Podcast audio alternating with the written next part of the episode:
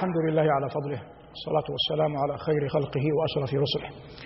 وبعد فنواصل معكم دروسنا في التفسير في هذا الجامع المبارك جامع الدكتور ناصر بن عقيل الطيار بمدينة الرياض شاكرين لكل من أسهم في إقامة هذا الدرس. وعنوان لقاء اليوم أصحاب السبت.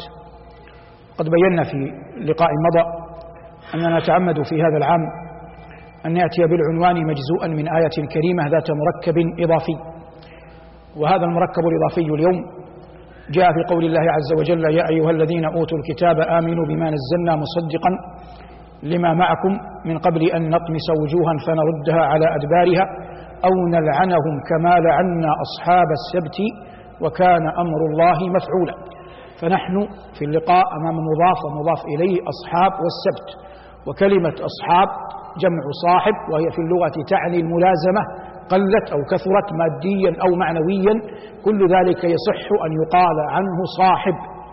وقول الله عز وجل أو نلعنهم كما لعنا أصحاب السبت كما قال الإمام الشنقيطي رحمه الله في تفسيره لم يبين هنا كيف لعن أصحاب السبت. فقال في كتابه القيم إيضاح القرآن بالقرآن أن ذلك بينه في سورة أخرى. قال ربنا في سورة البقرة ولقد علمتم الذين اعتدوا منكم في السبت فقلنا لهم كونوا قردة خاسئين. فما أجمله ربنا في سورة النساء. أين بينه؟ بينه في سورة البقرة. وقال جل وعلا في الأعراف واسألهم عن القرية التي كانت حاضرة البحر إذ يعدون بالسبت إذ تأتيهم حيتانهم يوم سبتهم شرعا ويوم لا يسبتون لا تأتيهم كذلك نبلوهم بما كانوا يعملون. فقول الله عز وجل كذلك نبلوهم يدل على أن الأمر ابتلاء خارج عن المألوف ابتلاء خارج عن المألوف. نتحدث عن أصحاب السبت من عدة قضايا. ربنا يقول يا أيها الذين أوتوا الكتاب إما أن يكون المخاطب بالآية اليهود فيصبح ما المراد بالكتاب؟ أجيبوا مشايخ التوراة. وإما أن يكون المخاطب بالآية النصارى فيصبح ما المراد بالكتاب؟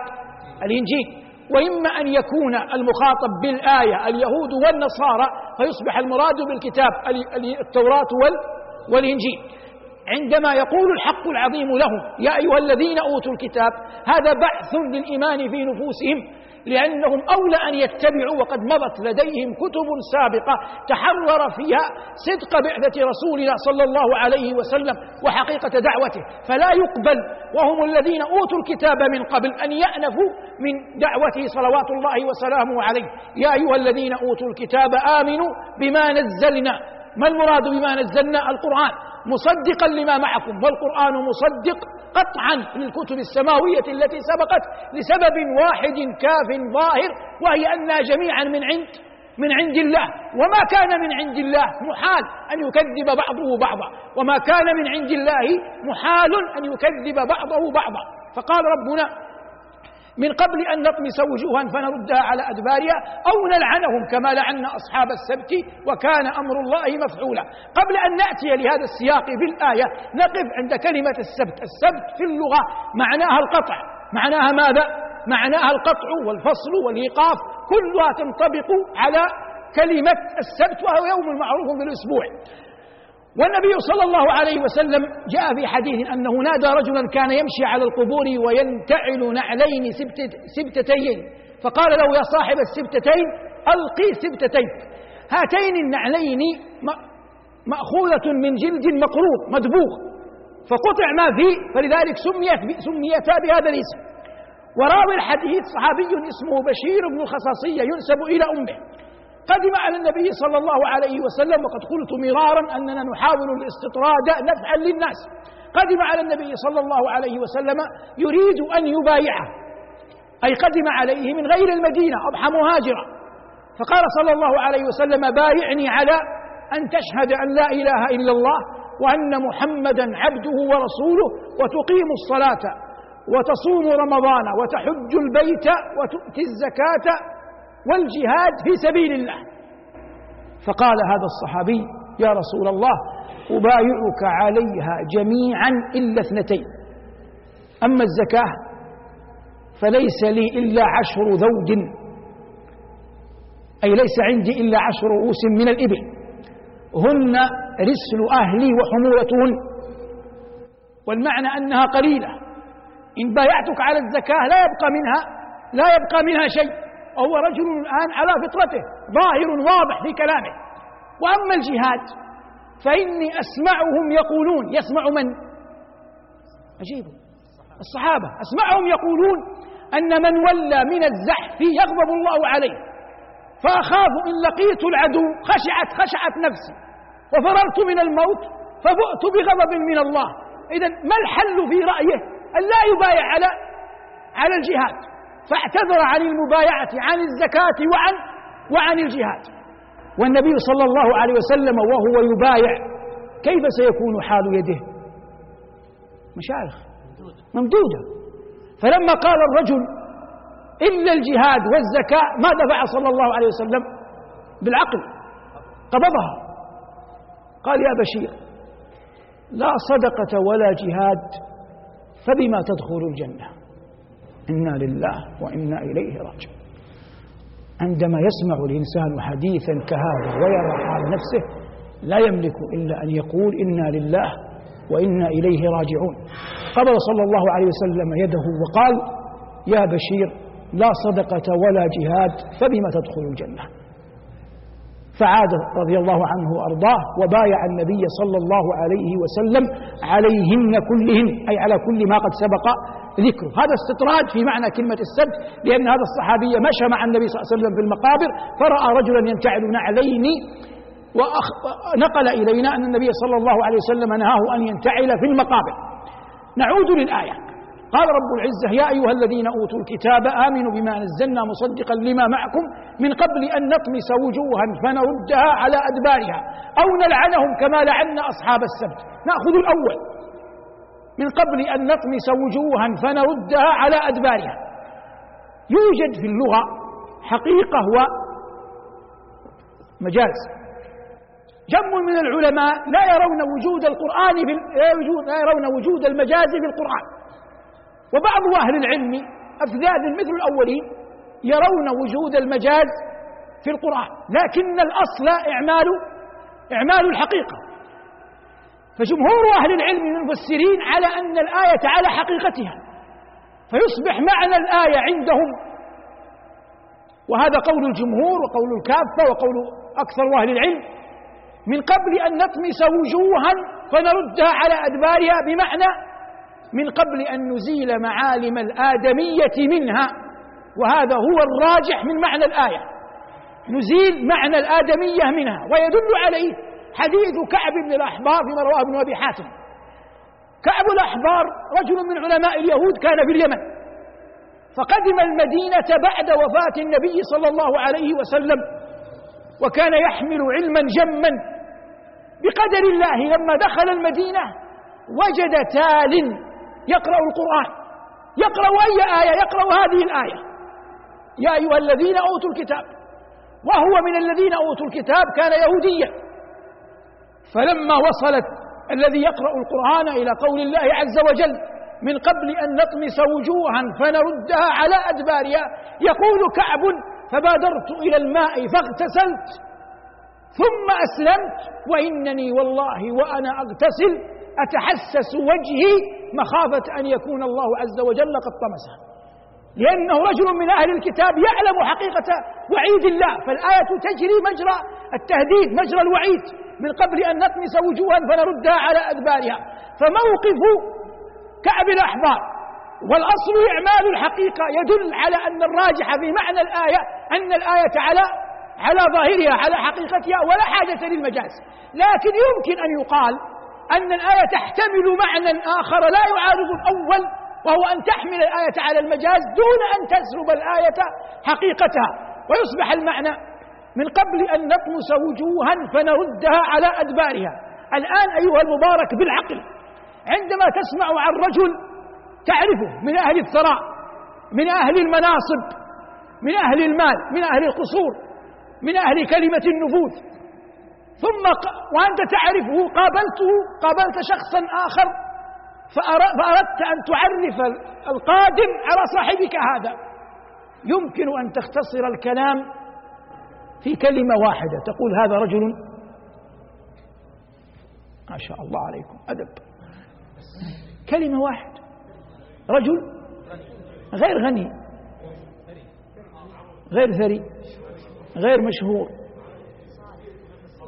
الآن كلمة نفوذ غني ثري صاحب قصور. وجيه. تقول هذا رجل وجيه. فقالوا معنى الآية من قبل أن نطمس وجوها فنردها على أدبارها. الوجاهة التي كانت لليهود في الحجاز تنتفي. الوجاهة التي كانت لليهود في الحجاز تنتفي. وأنت لو رأيت أن كعب كعب بن الأشرف كان سيدا في المدينة والسمو اليهودي كان سيدا في تيماء وأبو رافع كان يسمى تاجر أهل الحجاز. هؤلاء كانت لهم الوجاهة في في الحجاز كله. فلما جاء الإسلام ولم يؤمنوا ذهبت ذهبت وجاهتهم كلهم. قتل كعب وقتل أبو رافع وقبل ذلك مات السموان. واضح؟ هذا معنى الآية على على المجاز. وهو لا ينافي هنا معنى معنى الحقيقة. قالوا من قبل أن نطمس وجوها فنردها. على أدبارها هؤلاء اليهود الذين كانوا يسكنون المدينة أصلا من أين قدموا؟ من الشام. ما الذي وقع لليهود في زمن عمر؟ أخرجوا من تيماء أخرجوا من خيبر إلى إلى تيماء ومن تيماء إلى إلى الشام والله يقول لأول لأول الحشر. فقالوا هذا يدل على أن الآية تحمل في طياتها معنى مجازيا نقول يقبل لكن الأصل إجراؤها على على الحقيقة. هذا السياق الأول. ثم قال رب العزة أو نلعنهم كما لعنا أصحاب السبت. وهو سياق الآية. نلعنهم اللعن عياذا بالله الطرد والإبعاد من رحمة الله. وهو مراتب. فإن الله طرد إبليس طرد إبليس لعنه ولعن الله آكل الربا. لكن ليس لعن الله لإبليس كلعنه لآكل الربا. ولعن الله من عق والديه ولعن الله الراشي ولعن الله المرتشي ولعن الله شارب الخمر ولعن الله ساقياه وعاصراه ومعتصرها وحاملاه والمحمولة إليه وعشرة في الخمر. لكن ليس ذلكم اللعن على فظاعته قريبا من لعن الله جل وعلا. لإبليس لأن اللعن والطرد والإبعاد من رحمة الله على دركات أو درجات والمقصود على تفاوت كبير فيما فيما بينه قال رب العزة أو نلعنهم كما لعنا أصحاب السبت. أصحاب السبت هم الذين قال الله عنهم في الأعراف واسألهم عن القرية التي كانت حاضرة البحر إذ يعدون في السبت إذ تأتيهم حيتانهم يوم سبتهم شرعة ويوم لا يسبتون لا تأتيهم كذلك نبلوهم بما كانوا يعملون. قوم قيل إنهم في العقبة قيل إنهم في ايلة قيل إنهم في غيرها. القرآن لم يعينه ومن التكلف البحث عنه أحيانا. فنقول كانوا على شاطئ البحر ويصيدون والحيتان جمع حوت والمراد به السمك. الله يبلوهم. حرم الله عليهم أن يصيدوا يوم السبت. فإذا جاء يوم السبت يبتليهم رب العزة تأتي الحيتان متتابعة. مصطفة شرعا ظاهرة تكاد تقبضها بيدك يتبع بعضها بعضا صفوفا شرعا متتابعة متزاحمة على الشاطئ وقد حرم الله عليهم يومئذ أن يصيدوا. فاحتالوا فأخذوا يرمون الشباك يوم الجمعة ويأتون يوم الأحد يحملونها لتصيد ما وقعت فيه الحيتان في شباكهم يوم يوم السبت فلعنهم الله وقال ربنا في البقرة ولقد علمتم الذين اعتدوا منكم في السبت فقلنا لهم كونوا قردة خاسئين هو يوجد في العلم زادكم الله فقها طريقتان. طريقة أولية لظاهر الآية. وهذه تحررك المعنى لو سألك طالبك تلميذك ابنك عنه تجيب. لكنها في الغالب لا تزيدك أكثر من فهم للمعنى. وتوجد طريقة أن تفهم شيئا خفيا في الآية أراده الله. والخفي الذي أراده الله هو الذي به صلاح صلاح القلب. والخفي هنا في قول الله جل وعلا واسألهم عن القرية التي كانت حاضرة البحر إذ يعدون بالسبت إذ تأتيهم حيتانهم يوم سبتهم شرعا ويوم لا يسبتون لا تأتيهم كذلك نبلوهم بما كانوا يعملون. السؤال من الذي ألهم الحيتان أن يوم السبت لا صيد فيه حتى اطمأنت وتتابعت وظهرت؟ الله. وهذا الشيء الذي يحير. الآن هؤلاء عقلاء يهود ماكثون على البحر يرون سمك ظاهر يصيدونه ولا يرون سمك ظاهر لا يصيدون. هذا يحصل لي ولك ليهودي لنصراني لمسلم لأي ملة بالعقل. لكن هذا الحوت الذي في البحر من الذي أدراه أن هذا اليوم يوم سبت؟ بمعنى قطع وأن الصائدين لا يأتون ليصيدوا. فتصبح الحوت مطمئنة تخرج عند تلك القرية فقط ليس عند غيرهن من غيرها من القرى عند تلك القرية فقط. من الذي ألهمها؟ الله. فيعلم كل أحد من هذا وغيره. أن الكون كله يدبر أين؟ في الملكوت الأعلى قل من بيده ملكوت كل شيء وهو يجير ولا يجار عليه إن كنتم تعلمون. كلما استقرت هذه الحقيقة الإيمانية في قلبك تكون خطاك في الدنيا خطى واثق يعرف كيف يسير فيها. يكون الإنسان على بينة على علم على ثقة من ربه.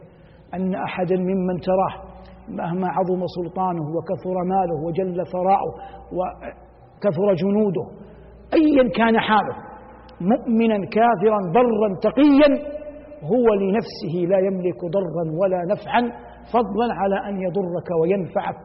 وإنما المقادير كلها تدبر في في الملكوت الأعلى بيد الله عز وجل وحده. ومن عظمت هذه الحقيقة في قلبه سار في حياته مطمئنا قال ربنا أو نلعنهم كما لعنا أصحاب السبت وكان أمر الله مفعولا. وقلنا إن الآية تجري مجرى الوعيد والتهديد. ثم جاء في الآية ما يرغب أهل أهل الكتاب في الإيمان ببيان أنهم لو بقوا على حالهم لن يكون مصيرهم في القيامة إلا النار. بخلاف أهل المعاصي من الموحدين فإن الله يغفرها. فجاء بعد هذه الآية قال ربنا وكان أمر الله مفعولا إن الله لا يغفر أن يشرك به ويغفر ما دون ذلك لمن يشاء ومن يشرك بالله فقد افترى إثما عظيما. فالآية تحمل عظيم الوعيد والتهديد لليهود وأهل الكتاب جملة وتحمل الرجاء للمؤمنين لأن رب العزة جل ذكره قال فيها إن الله لا يغفر أن يشرك به. ثم قال ويغفر ما دون ذلك لمن؟ لمن يشاء. فالآية تعطي بعض الرجاء للمؤمنين وفي الوقت نفسه تعطي مزيدا من الوعيد والتهديد لمن كفر بالله عز وجل من أهل من أهل الكتابين. بقينا في فائدة أخرى وهو قول الله عز وجل أو نلعنهم. ظاهر الآية أنهم يكون العذاب واحد من اثنين إما الطمس وإما وإما اللعن. لكن أحيانا تأتي أو ولا يراد بها التخيير. تأتي أو ولا يراد بها التخيير. قال صلى الله عليه وسلم عن مدينته قال من صبر على جهدها ولأوائها. جهد والأواء ماذا؟ المدينة. من صبر على جهدها ولأوائها كنت له شفيعا أو شهيدا يوم القيامة. الآن أول ما يخطر في الذهن أن الراوي شك. هل النبي صلى الله عليه وسلم قال شفيعا أو قال شهيدا. هذا أول ما يخطر في بالك. لكن هذه الخاطرة منتفية. لماذا منتفية؟ لأن هذا الحديث رواه عن النبي صلى الله عليه وسلم جم من الصحابة. سعد بن أبي وقاص أسماء بنت عميس عبد الله بن عمر أكثر من سبعة. كلهم رووه بهذه الطريقة.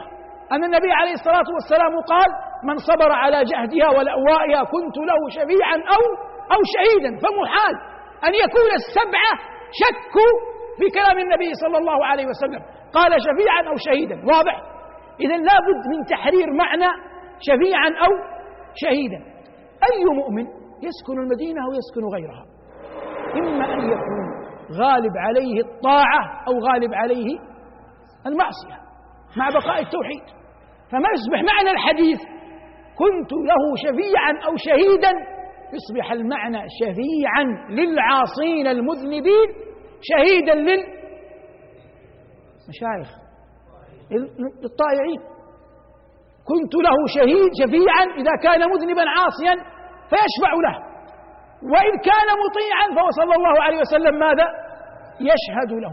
رزقنا الله وإياكم شفاعة وشهادة رسولنا صلى الله عليه وسلم والعلم عند الله. وصلى الله على محمد وآله والحمد لله رب العالمين.